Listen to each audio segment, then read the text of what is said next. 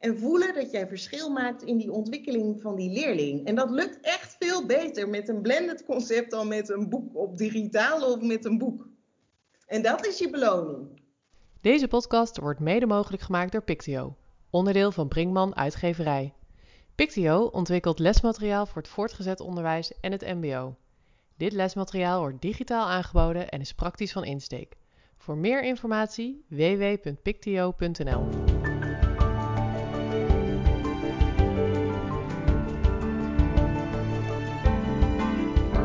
Welkom bij de Pictio Onderwijs Podcast. De podcast over onderwijs van, voor en door het onderwijs. Van PO tot HBO tot universiteit. Zelfs politiek doen we tegenwoordig, uh, Wim. We, we, hebben de politieke verkiezingen net gehad. Ja, jouw partij, Wim, D66.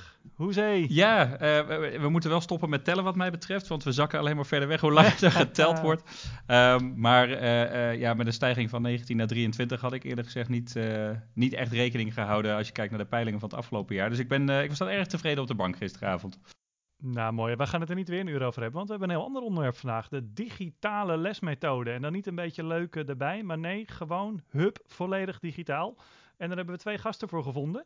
Uh, en die mogen zichzelf even voorstellen. Dan begin ik even met uh, Jorien. Ik ben Jorien Kastelein, directeur en oprichter van Blink. Elf jaar geleden ontstaan.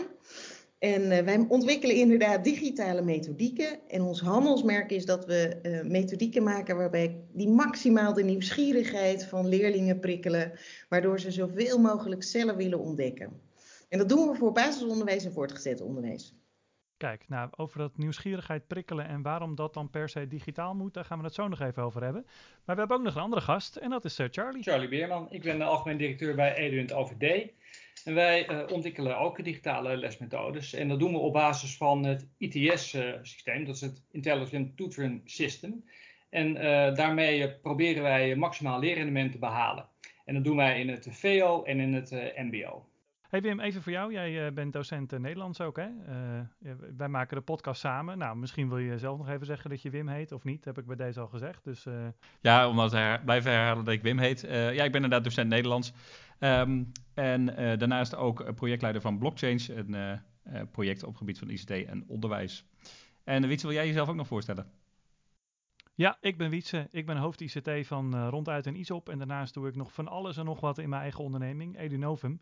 Ja, toevallig ook wel soort van een beetje digitale leermaterialen maken voor het PO. Dus ik voel toch, uh, nou ja, conculega's zeg je dan altijd een beetje. Hè? Maar wat wij doen is toch zo kleinschalig, dat mag eigenlijk geen naam hebben. Uh, hey, maar Wim, wat ik eigenlijk eerst even wilde weten is, um, uh, wat is jouw eigen ervaring als docent uh, Nederlands met, met digitale lesmethodes? Die is op een bepaalde manier heel beperkt, want je merkt dat voor de bovenbouw van het HAVO en VWO, waar ik vooral les geef, dat daar eigenlijk nog maar heel weinig digitaal, echt goed digitaal lesmateriaal voor is. Ja, de methodes die er zijn voor de bovenbouw, die zijn eigenlijk heel traditioneel op basis van een boek. Daar wordt wel wat digitaal omheen gemaakt, maar dat, ja, dat is meer het boek plus, zeg maar, dan dat dat nou echt digitaal ja, native materiaal is. Mijn collega's in de onderbouw gebruiken Plot 26, de methode die door Blink uh, wordt uh, gemaakt.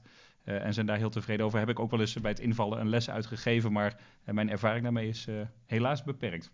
Duidelijk. Hey Jorien, even bij jou beginnen. Waarom uh, Blink volledig uh, digitaal? Hoe is dat gegaan? Zijn het hele bewuste keuzes geweest of gaat het meer per ongeluk? Nee, dat was wel een hele bewuste keuze. En dat komt eigenlijk, ik werk, uh, ik ben nu 49 en ik werk sinds ik 28 ben, werk ik in de educatieve uitgeverij. Ik heb jarenlang bij Team Meulhof gewerkt, daarna Malmberg. En toen ik begon was, lonkte het al. Hè? Wat kan technologie nou betekenen voor ons onderwijs? En vanaf het begin heb ik dat een ongelooflijk interessante vraag gevonden. Ik ben nog gestart toen we zelfs nog die gigantische floppy disks hadden, die je nu niet meer kan voorstellen. En nou, ik was als jonge uitgever, toen ben ik op al dat soort projecten gezet. Dus ik heb ook alles geleerd en gezien hoe het niet moest. Ook zelf de meest verschrikkelijke dingen gemaakt, waarvan ik achteraf denk, oh help excuus leraren met terugwerkende kracht. Maar je wist natuurlijk wel dat het op een dag moest gebeuren. En aldoende, alvallend en opstaan, in de loop der jaren kreeg ik ontzettend veel behoefte om een keer de mogelijkheid te hebben om met een team from scratch te beginnen. En eens lang de tijd te hebben, hè, als je nou nog geen boeken had. Want wat Wim eigenlijk ook al zei, wat natuurlijk toch vaak zo was, zeker in de beginperiode van digitalisering, dan was digitaal iets voor de bij. En ik begon echt te dromen als je nou from scratch kan beginnen. En niet met dat boek hoeft te beginnen, maar helemaal open kan denken. Samen met leerlingen en leraren kunt ontwikkelen. De startvraag was dus echt. Uh, hè, kunnen we nou, hoe kunnen we maximaal de meerwaarde van technologie benutten voor ons onderwijs? Waar kom je dan op uit? Ja, en om meteen die vraag te beantwoorden, waar zit hem dan die kracht in? Nou, we zijn begonnen op scholen. We zijn niet begonnen bij de kracht van digitaal. Dat is wel fundamenteel. We zeiden, als, als we kijken in de wereld, wanneer is digitaal succesvol?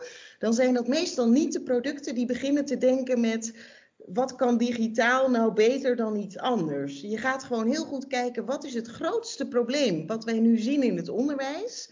Wat niet opgelost zou kunnen worden met papier. Eigenlijk zijn we zo begonnen. Dus we hebben eerst een jaar achter in allerlei scholen in de klas gezeten. Ontzettend veel met leerlingen en leraren gepraat. Heel veel lessen bijgewoond. Elke dag een andere plek in Nederland. Van Groede tot Rotterdam tot Schiermonnikoog. Wat zien we? En wat we zagen is eigenlijk één heel groot probleem, zowel voor de leerling als voor de leraar, is dat die leerlingen zeiden: Wat is dit saai? Ik kan mijn aandacht er niet bij houden. Ik val in slaap.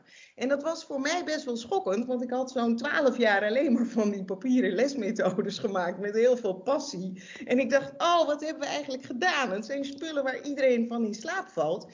Wat kan je met digitaal? Je kunt de wereld in de klas brengen, de echte wereld. Voorbeeld, we hebben in het basisonderwijs een methode Engels gebaseerd op popmuziek. En dan begint elke les met een nieuw popliedje als uitgangspunt. Ja, zo'n concept, ondenkbaar op papier. En wat werkt dat voor die leerlingen? Ja, mooi. Dus, dus, het, dus vanuit een probleemstelling kom je tot hè, motivatie, hoor ik. Dat is het probleem. En een digitale oplossing, de wereld in de klas halen, uh, betrokken leerlingen. Het, Charlie, is dat een verhaal dat je denkt, ja, ik, uh, daar kan ik me helemaal in vinden? Of, of ligt dat anders uh, in jouw ontwikkeling? Ik vind dat wel een hele mooie, mooie insteek. Alleen dat is niet de insteek die voor ons aan de orde was. Bij, bij, ons is het veel meer vanuit de techniek gegaan. Dus wij hebben na zitten denken, hoe kun je nou maximaal leerrendement behalen? dus hoe, hoe zorg je ervoor dat je uiteindelijk die leerling brengt tot een bepaald doel, wat dat doel dan ook is. En hoe zet je daar techniek dan optimaal voor in? Uh, want het mooie van die techniek is dat alles te meten is. dus je kunt uh, uh, ja, zeg maar meten hoe lang een leerling ergens mee bezig is. Je kunt meten welke vragen leerlingen over het algemeen goed of juist niet goed beantwoorden. Eh, je kunt zien eh, hoe snel ze bepaalde lesstof doornemen en vervolgens de vragen beantwoorden. Met andere woorden, je kunt een bepaalde voorspelbaarheid uit die informatie halen. En met die voorspelbaarheid kun je ook lesstof gaan aanbieden die ervoor zorgen dat je continu zeg maar, die leerling blijft inspireren en motiveren tot het ja, zeg maar, behalen van, van, van doelen. Nou, en dat vind ik zo mooi van digitaal lesmateriaal, dat je um, ja, uiteindelijk die leerling ergens naartoe kan helpen door inzet van, van, van techniek. Um, en um, ja, goed, je hebt de heilige graal, en ik, ik, wil niet zeggen dat wij er al zijn hoor, is dat je impliciete en expliciete data aan elkaar koppelt en die informatie gebruikt om, ja, om uiteindelijk dan optimaal zeg maar, die leerling te ondersteunen. En ik hoorde je in, de, in je uh, inleiding iets zeggen over het ontwerpprincipe dat jullie daar gebruiken, ITS, als ik het goed uh, verstaan heb. Kun je even uitleggen wat dat is? Ja, dat werkt uh, op basis van inner en outer loop. Dus je hebt een, een, een leerling en rondom die leerling bouwen we een studentmodel. nou ja, bijvoorbeeld al die informatie die ik net noemde. Hè, dus hoe snel doen ze dingen, wat is, welke klas zit zo'n leerling, welke opleiding volgt die, noem maar op, bepaalde kenmerken van zo'n leerling. En die leerling gaan wij allerlei lesstof aanbieden, um, ja, die ervoor zorgt dat die leerling telkens wordt gestimuleerd om daarop door te leren.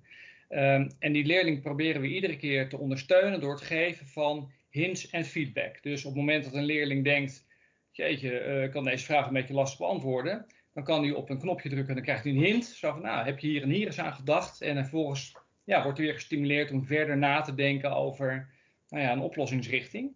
Uh, en op het moment dat hij een leerling een antwoord heeft gegeven, dan, uh, nou, dan kan hij op nakijken drukken. En dan krijgt hij op het moment dat het antwoord misschien niet helemaal goed was, krijgt hij feedback op, op wat er is gebeurd. En hopen we natuurlijk dat ze daar wat weer van opsteken.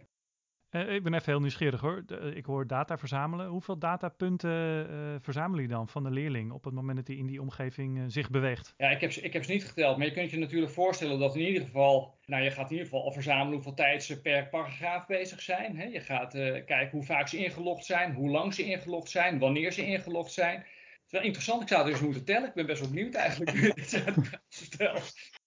Ja, dus ik vind het wel interessant, want dat, dat is de kracht van techniek. Jullie zijn erg vanuit die techniek gedacht. En Jorien, die zit er juist in van we zijn erg vanuit het onderwijs gaan denken. Betekent dat dat je, dat je ook dat hele techniekverhaal hè, van het data verzamelen, zit het ook helemaal niet in blink? Of maken jullie ook wel gebruik van de mogelijkheden die techniek daar te bieden heeft? Ja, absoluut. Want je komt dat natuurlijk vanzelf tegen. Maar we zijn er niet gestart. Dat zeg je denk ik heel goed. We zijn echt gestart vanuit uh, problemen. Dat is ook wat we consequent doen. Van waar kunnen we iets bijdragen? En dan kijken we waar kan technologie of waar kan data iets toevoegen. Charlie had het over het ontwerpprincipe ITS. Welke ontwerpprincipes hebben jullie uh, zeg maar als uitgangspunt gebruikt? Ja, wij, wij, wij hebben, zijn dus eigenlijk tot de conclusie gekomen dat we niet een, een ontwerpprincipe vast willen hanteren, gedacht vanuit technologie of digitalisering. Vanuit ons uitgangspunt dat altijd die leerling en die leraar op één moet staan. En we kijken dus altijd welk probleem zijn we aan het oplossen en welke ontwerpprincipes passen daarbij. En ja, we, komen eigenlijk tot steeds overtuigder tot de conclusie dat we ons niet vanuit de techniek tot een principe of een leersysteem of een ontwerp moeten vastzetten. We hebben bijvoorbeeld een adaptieve spelling-app voor, hè, die ook gebruikt wordt in de methodiek uh, Plot 26, waar Wim mee werkt, die heel erg lijkt op de systematiek die Charlie uh, net beschreef maar waar wij vaak achter komen is als je het hebt over die adaptieve systemen, dat werkt heel goed voor leersituaties waar je iets van kunt zeggen van de uitkomst is goed of niet goed. En leren, hè, uh, nou bij spelling kun je dat best wel adequaat uh, detecteren. Deze werkwoordspelling is goed of niet. Maar als je het bijvoorbeeld hebt over een vaardigheid die van, van levensbelang is voor de vakken, hè, vak van Wim, Nederlands. Als je het hebt over een vaardigheid als lezen, ja daar is het lastige aan. Dat, dat gaat helemaal niet lineair. Daar kun je geen lineair pad van geven.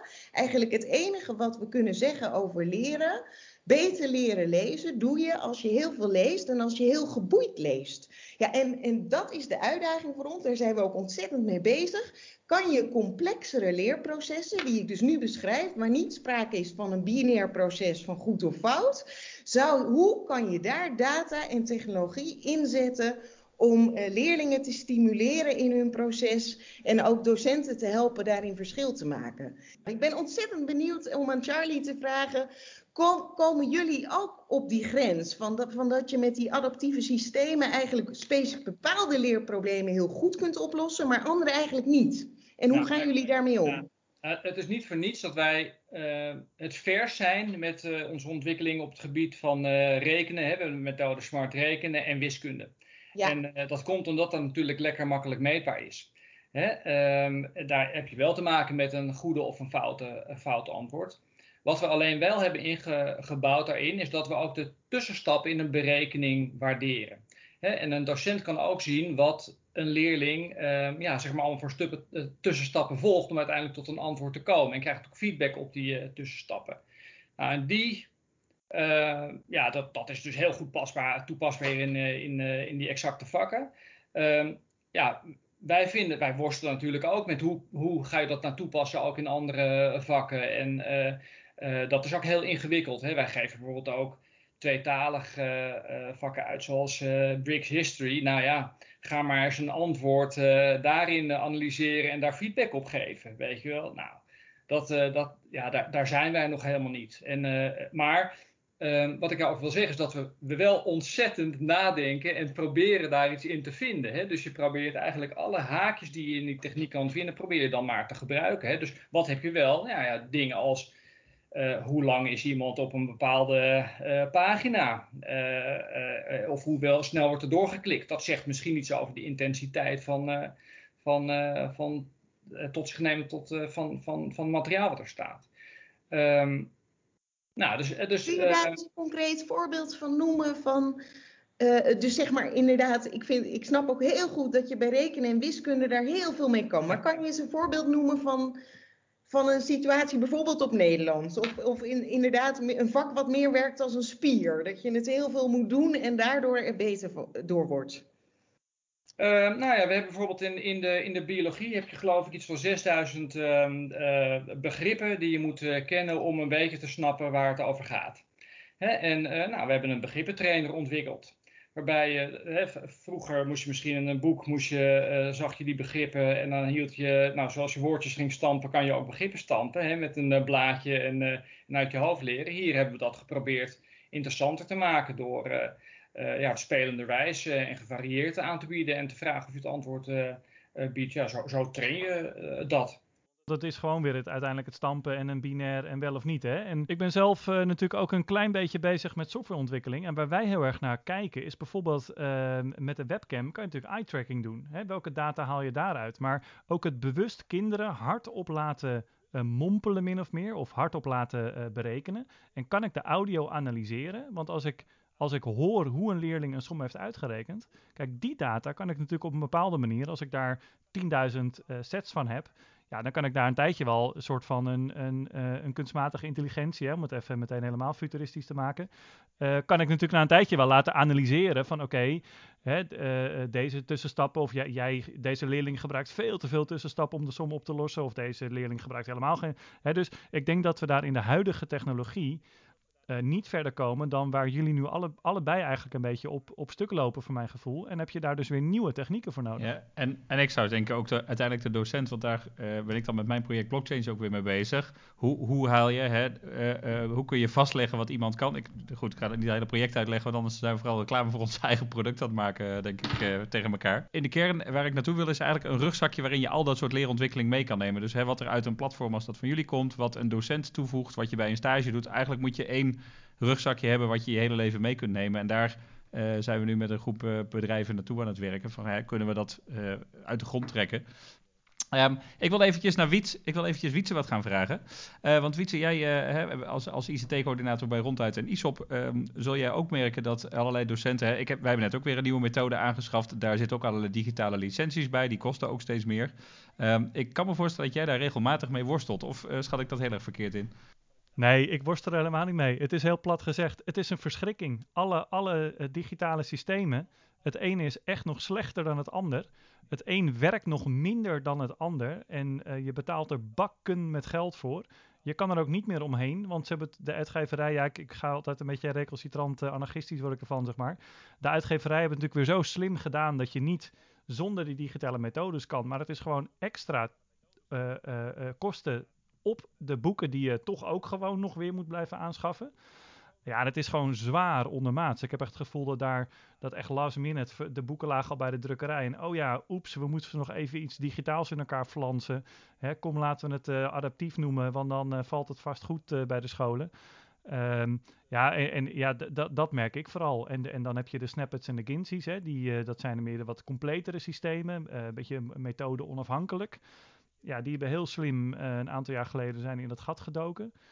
Um, maar ja, dat is het natuurlijk ook niet. Hè? Ik, ik moet nog wel eens uh, invallen ergens. En dan is het, uh, zeg ik, nou, jongens, de rekenles begint. En als 30 robotjes klappen de laptops open. En dan blijkt de rekenles blijkt gewoon drie kwartier lang achter je Snapchat dashboard, zeg maar, rekensommen. denk ik, ja, maar dit is, dit is geen lesgeven meer. En daar, weet je, daar, stoeie, daar stoeit iedereen mee. En um, ja, misschien ook een klein bruggetje, want het is heel interessant om die techniek nog eindeloos. Uh, hè, uh, uh, maar ik wil toch ook wel een aantal andere aspecten erbij pakken. En ik raak er nu alvast een, een beetje eentje aan. namelijk de vaardigheid van de leerkrachten, maar daar, daaruit volgend eigenlijk ook de vaardigheid van de leerlingen. En zorgt het, het zeg maar digitale domein, daar moet je toch ook wel vaardig genoeg voor zijn om daar goed in te kunnen navigeren. En ja, in hoeverre, uh, ja, het klinkt misschien wat episch, maar vergroot je de kansen ongelijkheid op het moment dat kinderen een bepaalde achterstand hebben tot uh, digitale middelen? En hoe gaan jullie daarmee om? Nou ja, ik vind dat, ik vind dat wel een ingewikkelde, want wij hebben daar op zich, wij hebben er weinig invloed op. Wij bieden, wij bieden het digitale product. Hè? Um, um, ja, ik, ik, ik vind het, uh, ik, ik hoor dan uh, over laptopkarren op, uh, op scholen en dat leerlingen daar een laptop van, van kunnen lenen. En er zijn computerlokalen en zo waar leerlingen dan gebruik van kunnen maken. Maar ja, ik zou er wel een voorstander van zijn als ja, een, een, een laptop onderdeel is van het, van het lesmateriaal dat je krijgt. Hè? Of een soort van materiaal dat je van school uit, uit krijgt. En ja, wie gaat dat betalen? Vind ik een goede vraag. Maar uh, als ik kijk, bij ons in school, de collega's zijn ook niet allemaal even digitaal vaardig. En dan druk ik mij voorzichtig uit. Doen jullie daar wel iets in uh, als uitgeverij? Wat we wel doen, is dat wij natuurlijk die docent die, gebruik gaat maken van onze producten, dat we een hele uitgebreide training geven in hoe gebruik je ons product en wat kan je er allemaal mee. En hoe zorg je ervoor dat je je lessen klaarzet en eventueel variaties aanbrengt. En hoe volg je goed wat die leerlingen daarin doen. Dus we leren ze wel echt dat product uh, gebruiken. En uiteraard ook hoe ze hun leerlingen kunnen helpen op het moment dat ze het lastig vinden. Overigens hebben we onze producten wel zo gemaakt dat we het ja, voor de leerling zo eenvoudig mogelijk maken door ja, het heel makkelijk uh, um, ja, in gebruik te maken. Je, je, drukt op één knop en dan zit je altijd op de plek waar je zijn moet. Weet je wel? Dus daar, daar denken we wel goed over na. Um, maar waar je het net over had, dat vind ik een grotere zorg. Hè? Middelen. Hoe zorg je gewoon dat er, uh, ja, dat er hardware is? Ik vind het ook zo'n belangrijk onderwerp. En zo, dat is ook voor ons continu een, een twijfelpunt geweest. Als je als in de basis digitale uitgever start, zijn we ons ontzettend eh, bewust van geweest. Want het is gewoon zo. En bij corona is het natuurlijk weer in alle omvang naar boven gekomen hoeveel kinderen er gewoon niet in staat zijn of niet toegang tot een, uh, geen personal device hebben, niet thuis kunnen internetten. Dus het is een heel reëel probleem. Dus ik, ik was best wel cynisch, moet ik eerlijk zeggen, over het hele bedrag wat in het kader van het uh, nationale onderwijsprogramma ineens, uh, ineens er bleek te kunnen zijn voor het onderwijs. Maar het goede nieuws vind ik dat dat nu ook besteed kan worden aan het op orde krijgen van je hardware. En je, niet te vergeten ook je internetstructuur op scholen, want dat is toch toch vind ik nog steeds wel heel moeilijk te aanvaarden dat anno 2021 denk ik dat pas ongeveer 15% van de VO-scholen in staat zouden zijn qua ICT-infrastructuur om met onze concepten te kunnen werken. En dan denk je toch van jongens, we moeten nu wel langzamerhand van de voordelen van technologie kunnen profiteren. Maar ik roep, zou alle scholen willen oproepen, reserveer een hoop geld vanuit dat budget. Want je wil het natuurlijk het liefst uitgeven aan die leraren. Maar niet elke school zal genoeg leraren kunnen vinden om het geld aan te spenderen. Reserveer ook een stuk daarvan voor echt dit probleem oplossen. In de voorbereiding hadden Wiets en ik gekeken van, hè, zou digitaal dan niet ook veel meer differentiatie kunnen betekenen? Ieder zijn eigen leerpad, hè, wordt het onderwijs niet flexibeler? Dat zijn ja, toch, toch dingen die je veel hoort en eigenlijk ook hele hoge doelen die we dan stellen. Ik, ik begin langzaam te geloven dat we daar überhaupt nooit gaan geraken als uh, uh, leerlingen nog niet kunnen typen en een device niet hebben. Dan ja, moeten we daar dan wel naar willen streven, naar dat soort hoge doelen. Wie zou ervoor moeten zorgen, vind jij? Uh, ja, dat is, dat, is een hele grote, dat is een hele grote vraag. En dat hangt ook, ja, als ik kijk naar de basisschool waar mijn kinderen zitten, daar heeft iedere leerling een eigen iPad met uh, Apple Pencil. Ja, dat was dus, hè, leraren kunnen daar in, in uh, het programma schoolwerk alles klaarzetten, het in nakijken. Hè, dat, dat, dat loopt heel goed. maar dat is omdat die school daar geld voor heeft kunnen reserveren om dat, om dat aan te schaffen. Uh, ja, er zijn ook scholen binnen hetzelfde bestuur die uh, de eindjes net aan elkaar krijgen en uh, financieel onder water staan wat dat betreft. Dus ja, wie gaat dat dan oplossen? En dat, dat is heel complex. Ik wil daar heel graag nog iets over zeggen, Wim. Want wat je vaak ziet, hè, is dat, kijk, scholen moeten duidelijke keuzes maken. Je moet wel echt nadenken, willen wij als school of als vaksectie, je kunt dat in het voortgezet onderwijs ook heel goed als vaksectie beslissen. Maar wat is onze ambitie? En wat wij toch zien, hè, we zijn nu zo'n acht jaar bezig in dat onderwijs, is dat het mogelijk is binnen het leermiddelenbudget wat er is, om op heel hoog niveau digitaal te werken. Maar dan moet je ook wel zelf keuzes maken en zelf bepaalde dingen durven loslaten. Als jij zegt, ja, ik wil eigenlijk mijn klassieke papieren methode integraal en ik wil daarbovenop digitaal en ik wil, hè, je moet dan wel je onderwijs omgooien. Maar als je dat durft, als je als vaksectie in dat zwembad durft te springen met bandjes en alles wat daar is, dan denk ik dat je na een paar jaar nooit meer terug wil, omdat je de voordelen hebt gezien van wat het kan bieden. En als dat niet zo is, dan hebben wij als ontwikkelaars ons werk niet goed gedaan. Want dan hebben we boeken gedigitaliseerd gemaakt die niet de meerwaarde laten zien. En dan is het goed dat de school weer teruggaat na een x aantal jaar. En Jurien, hoeveel scholen uh, durven of kunnen nu die sprong maken? Even in percentage. Want ik, ik, ik uh, even een kleine toelichting voor die vraag. Ik zit zelf ook inderdaad in die wereld van, uh, van digitale lesmaterialen. En meer in digitaal portfolio ook bijvoorbeeld. Ja, er is zo'n klein stukje wat echt goed snapt en begrijpt wat een digitaal portfolio kan betekenen voor je onderwijs. Ja, dan moet je ook echt wel hele sterke leerkrachten hebben. Goed leiderschap, duidelijke visie. Dat zijn niet zo heel veel scholen die al die facetten goed op orde hebben. Uh, hoe, zie jij dat in? Hoeveel procent van de scholen zeg maar, is nou echt in staat om dat goed uh, in te richten? Nou, wat ik heel gaaf vind om te zeggen, ik moet echt verschil maken tussen primair onderwijs en voortgezet onderwijs. Maar wat we zien uh, in het primair onderwijs durf ik echt te zeggen dat ik nog geen basisschool ben tegengekomen die dat wil en die dat in een paar jaar niet voor elkaar kan krijgen. Als je dat, kijk, je kunt het niet van het ene jaar op het andere. Dat is echt iets wat ik keihard wil zeggen. Je kan niet met twee vingers in de neus over op zo'n nieuwe manier van werken. Maar als je zegt, wij zien dit als een vijfjarenplan. En als, je, als ook gewoon de schoolleiding daarachter gaat staan van dit is een vijfjarenplan. Hè, en dan, kun je, dan zien we wonderen gebeuren op elke school. Kijk, en nu elke basis, bijna elke basisschool, ik denk dat ik echt durf te zeggen, 95% van de basisscholen is in staat om met onze concepten te werken qua ICT-infrastructuur. Eh, dan heb je natuurlijk het stuk wat jij aansnijdt met digitale vaardigheden. Maar daar kun je heel goed, ook als ontwikkelaar, en ik denk dat, ik eh, ben benieuwd of, of dat bij de concepten van EduHint ook gebeurt. Wij maken echt groeipaden voor scholen. Als je het eerste jaar begint, moet je gewoon overleven. Je bent al blij als leraar, dan moet je je ambitie ook niet hoger stellen. Dan moet je echt zeggen, ik laat dit over me heen komen, ik ga dit materiaal ontdekken. En je moet heel trots zijn als leraar als je die eerste jaar gewoon er doorkomt. En dan in het tweede jaar weet je al dat materiaal wat beter, kan je eigen keuzes gaan maken. Dus het moet een groeipad zijn, maar wij zijn ontzettend optimistisch uh, over als je dat wil en je gaat reflecteren, dan kan dat. In het voortgezet onderwijs moeten we echt nog met die ICT-infrastructuur aan de slag.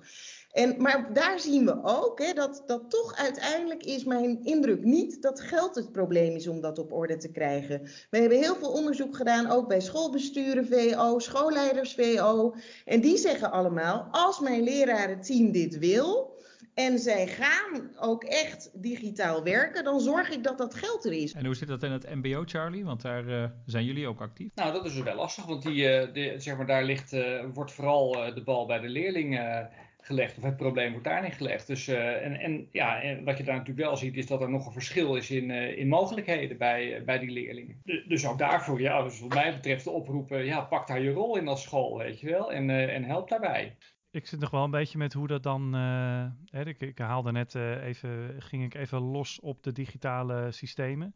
Dat is natuurlijk wel allemaal. Hè, het is altijd zo'n strak rijtje. Schaf ons aan. We, één, we verlichten de werkdruk. Twee, je leerresultaten gaan omhoog.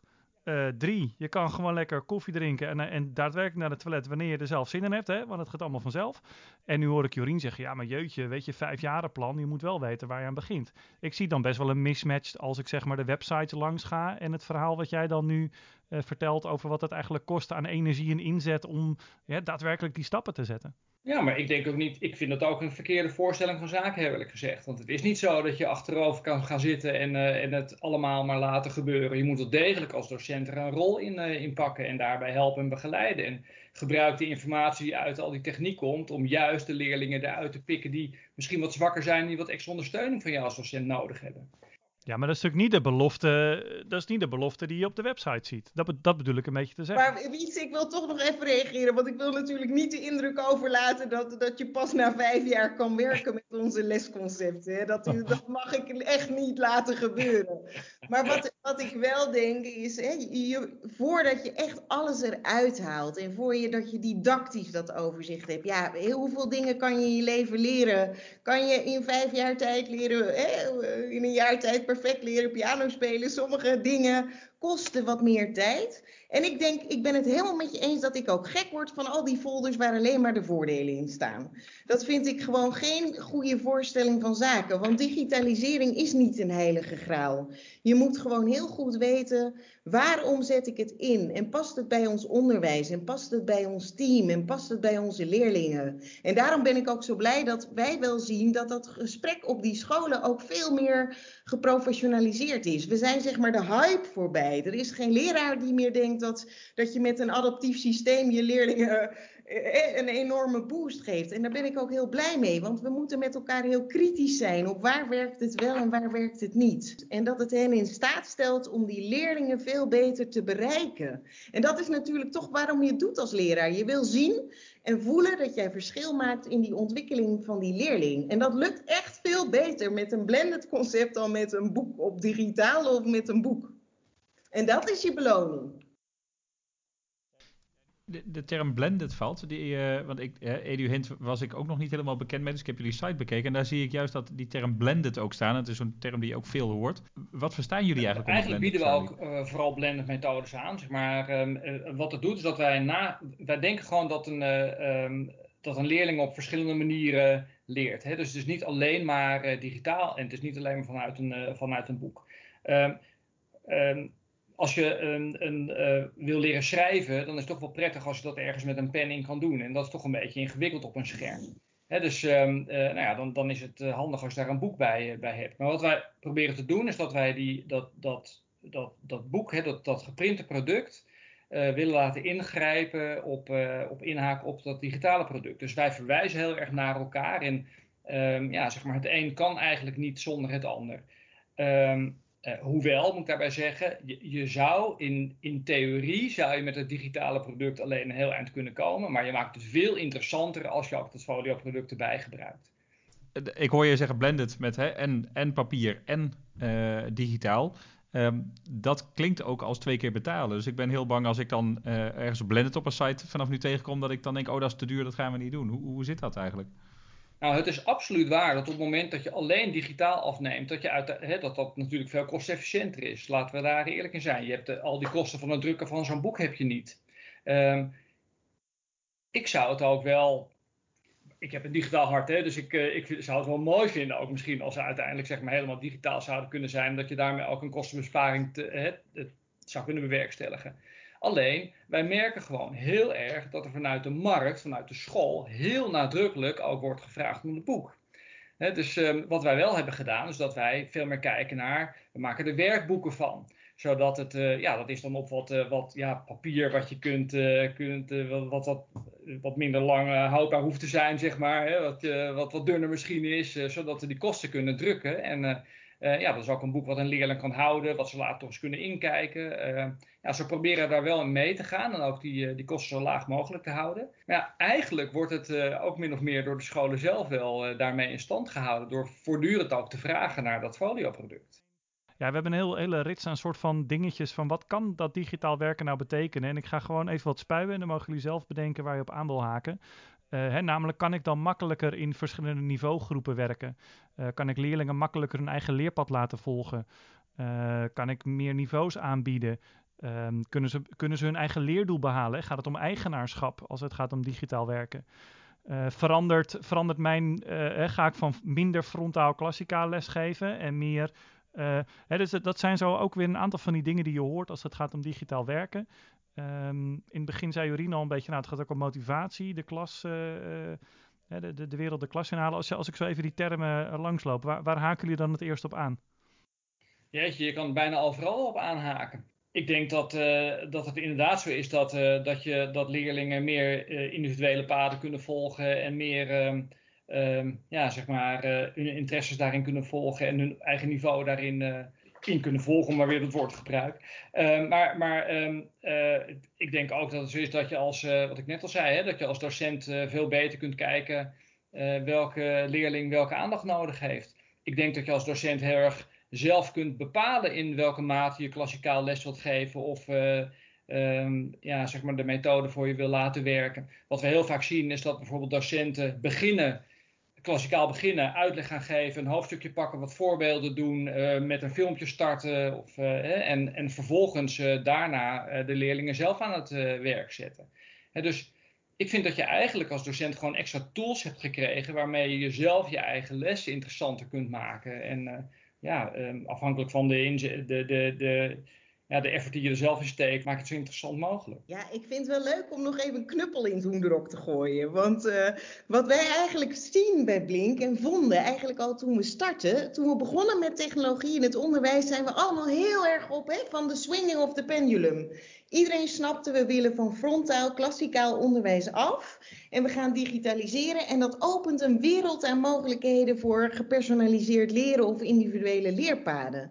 Maar we zagen ook al heel snel, toen wij begonnen acht jaar geleden, was er al wel, wel, heel snel allerlei onderzoek, ook internationaal, waaruit bleek dat al die adaptieve individuele leerroutes eigenlijk helemaal niet zoveel opleverden wat we, we zijn ook heel erg met leerlingen gaan praten en ook zelf gaan experimenteren met dat soort modellen. En wat zagen we toen? En dat zie je eigenlijk nog steeds terug in al dat onderzoek. Ondanks dat we al die adaptieve systemen hebben, de meeste impact wordt nog steeds gemaakt door de leraar zelf in het onderwijsproces en door de medeleerlingen. Dus wat wij zeiden, wat zou het nou gaaf zijn als je met digitale middelen collectief kunt leren, zodat je die cohesie in die groep hebt. Want wat leerlingen ook allemaal tegen ons zeiden, ik wil niet alleen in mijn laptop leren, want dan vinden ze gewoon saai. Vinden ze net zo saai als frontaal klassikaal. Zij zeiden, ik wil met anderen leren en ik wil, maar leerlingen willen ook uitgedaagd worden op hun eigen niveau. Dus waar ik heel trots op ben en wat ik leuk vind om te vertellen, is, is dat digitalisering bij uitstek de mogelijkheid geeft om samen met een groep bezig te zijn en daarbinnen die leerling op zijn eigen niveau te bedienen. En dat zou je als leraar nooit kunnen doen met alleen papier.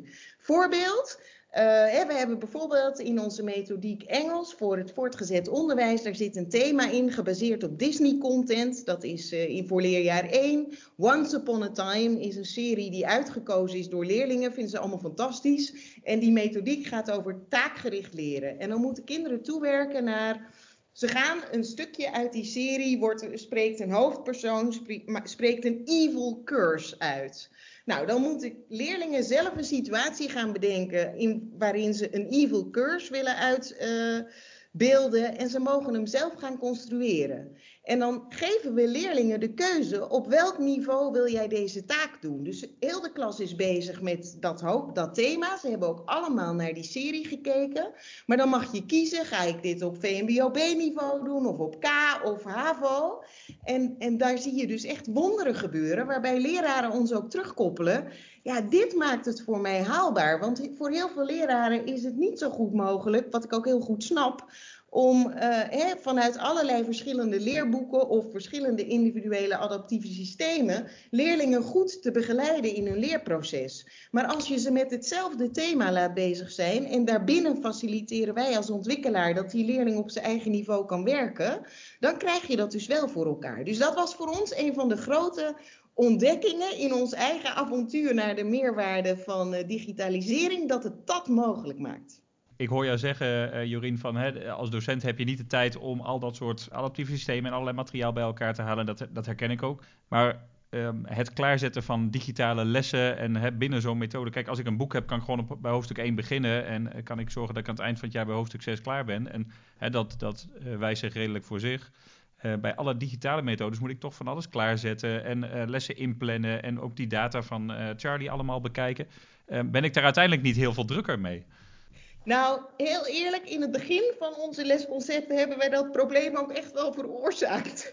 En het is ook een zoektocht als ontwikkelaar om het zo te maken dat, dat jij daar als leraar niet die extra tijdsverlies door hebt. Wij begonnen bijvoorbeeld, onze droom was, wij wilden helemaal geen methodes maken. Wij wilden, onze concepten zijn modulair opgebouwd vanuit de visie dat een leraar zelf keuzes gaat maken en dat zelf kan kiezen wat past bij deze groep. Nou, totaal in de valkuil die jij schetst. Want leraren vertellen ons, nu moet ik heel veel selecteren, klaarzetten. Kunnen jullie niet een adviesroute klaarzetten? Nou, zo zijn we geëvalueerd dat we dus nu ervoor zorgen dat we altijd een adviesroute klaarzetten, zodat je niet zelf hoeft te plannen.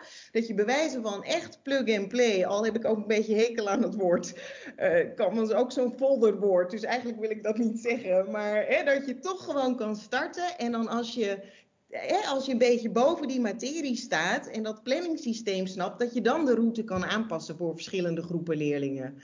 Maar eens, hè, dat, dat moet voor ons als ontwikkelaars ook continu het uitgangspunt zijn. Hoe zorgen we dat we niet zorgen dat je allemaal extra werk erbij krijgt, maar dat het echt afneemt. En dat kost echt ook een aantal jaar. Voor ons heeft dat gekost om daar te komen.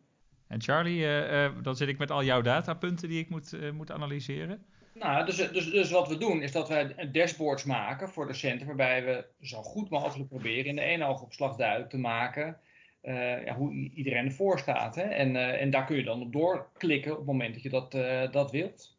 Um, maar ja, dat is, dat is dus wel de kunst. Hoe zorg je ervoor dat je al die informatie zo overzichtelijk mogelijk presenteert? Uh, ja, en overigens is het zo van dat, ja, voor ons geldt precies hetzelfde. We hebben een geadviseerde leerroute en die kun je gewoon uh, aanzetten en dan, uh, dan hebben we de happy flow. En, en dan kun jij zelf als docent bepalen of je dat anders zou willen of niet. Misschien nog een klein kijkje in de toekomst. Waar begin ik even bij Charlie? Waar, waar staat EduHint en hoe, hoe, hoe hoe ont ontwikkelen jullie jezelf en hoe ziet dat er dan over vijf tot tien jaar uit? Nou, wij zijn um, heel erg bezig met ook na te denken over, um, uh, en, en dat ook op een aantal uh, plekken aan het testen en, en doen, uh, om ons platform ook ter beschikking te stellen van andere uitgeverijen. we hebben deze techniek ontwikkeld, daar hebben we hartstikke veel energie, tijd en moeite in gestoken en ook heel veel kennis in, in zit inmiddels. Nou, dat willen we ook best wel ter beschikking stellen van anderen. Um, dus wat we dan zouden kunnen doen, is dat we een andere uitgever de mogelijkheid bieden om van onze techniek gebruik te maken en daar, uh, daar zelf methodes in te ontwikkelen. Maar misschien ook wel een school zelf. Hè. Je zou het zo kunnen maken dat een docent zelf ook daar uh, um, lessen in kan voorbereiden en kan klaar, klaarzetten. Um, al dan niet met ondersteuning van iemand van ons die daar veel verstand van heeft. Um, daarnaast hoop ik, of ja, is echt mijn doel om ervoor te zorgen dat wij steeds meer kunnen met alles, hè, alle informatie die wij verzamelen. Zodat we uiteindelijk, dat zou ik fantastisch vinden als wij tegen een, uh, bij een leerling een, eh, een, een, een, eh, een, een diagnostische toets zouden kunnen afnemen en op basis daarvan zouden kunnen beloven dat als deze tijd erin gestoken wordt, uh, ja, de, uiteindelijk op een bepaald niveau uh, gepresteerd zal, zal worden. En uh, op het moment dat een leerling zegt, nou, ik wil eigenlijk dat ik dat niveau een beetje hoger uh, haal, dan, dan rekent het door wat je dan moet doen. Dat zou ik geweldig vinden. Als je zo ver zou kunnen gaan dat je echt voorspellend kan, kan werken en echt het systeem kan laten begeleiden. Daar zijn we niet voor alle duidelijkheid, hè? maar dat zou ik wel heel mooi vinden als dat zou lukken uiteindelijk. En waar staat Blink, Jurien? Waar ik echt van droom is over vijf jaar dat de leerlingen en de leraren voor wie we doen, voor alle vakken waar we actief in zijn, dus dat zijn ook de bovenbouwleerlingen van Wim van Nederland, want komend jaar gaan we iets nieuws lanceren voor de bovenbouw, dat die aan het vak Nederland en alle vakken die ze met onze methodiek hebben gegeven een 8 of hoger geven. Dat ze niet meer zeggen Nederlands is een nutteloos vak, maar dat ze zeggen jeetje, wat was dat Nederlands tof op school. Ik heb niet alleen maar geleerd voor het examen, maar ik vond het echt heel gaaf, die lessen Nederlands. Dat is uh, waar we het voor doen. Ik vind hele mooie, uh, mooie toekomstdromen om te horen van jullie. Heel hartelijk dank in ieder geval voor alle informatie die jullie uh, ons in het afgelopen uur hebben gegeven. Dit was het voor deze maand. Volgende maand zijn we er waarschijnlijk weer. Wij gaan nog even kijken in welke vorm en hoe en wat het onderwerp wordt. Dus dat blijft nog even spannend. maar blijf ons tot die tijd volgen op de social media. En abonneer je in onze podcast app. Want dan uh, krijg je elke aflevering automatisch in je telefoon. En kun je ook nog weer terugluisteren, want er zijn ook nog vele andere leuke onderwerpen te beluisteren. Yes, ook uh, namens mij hartelijk bedankt en tot de volgende keer.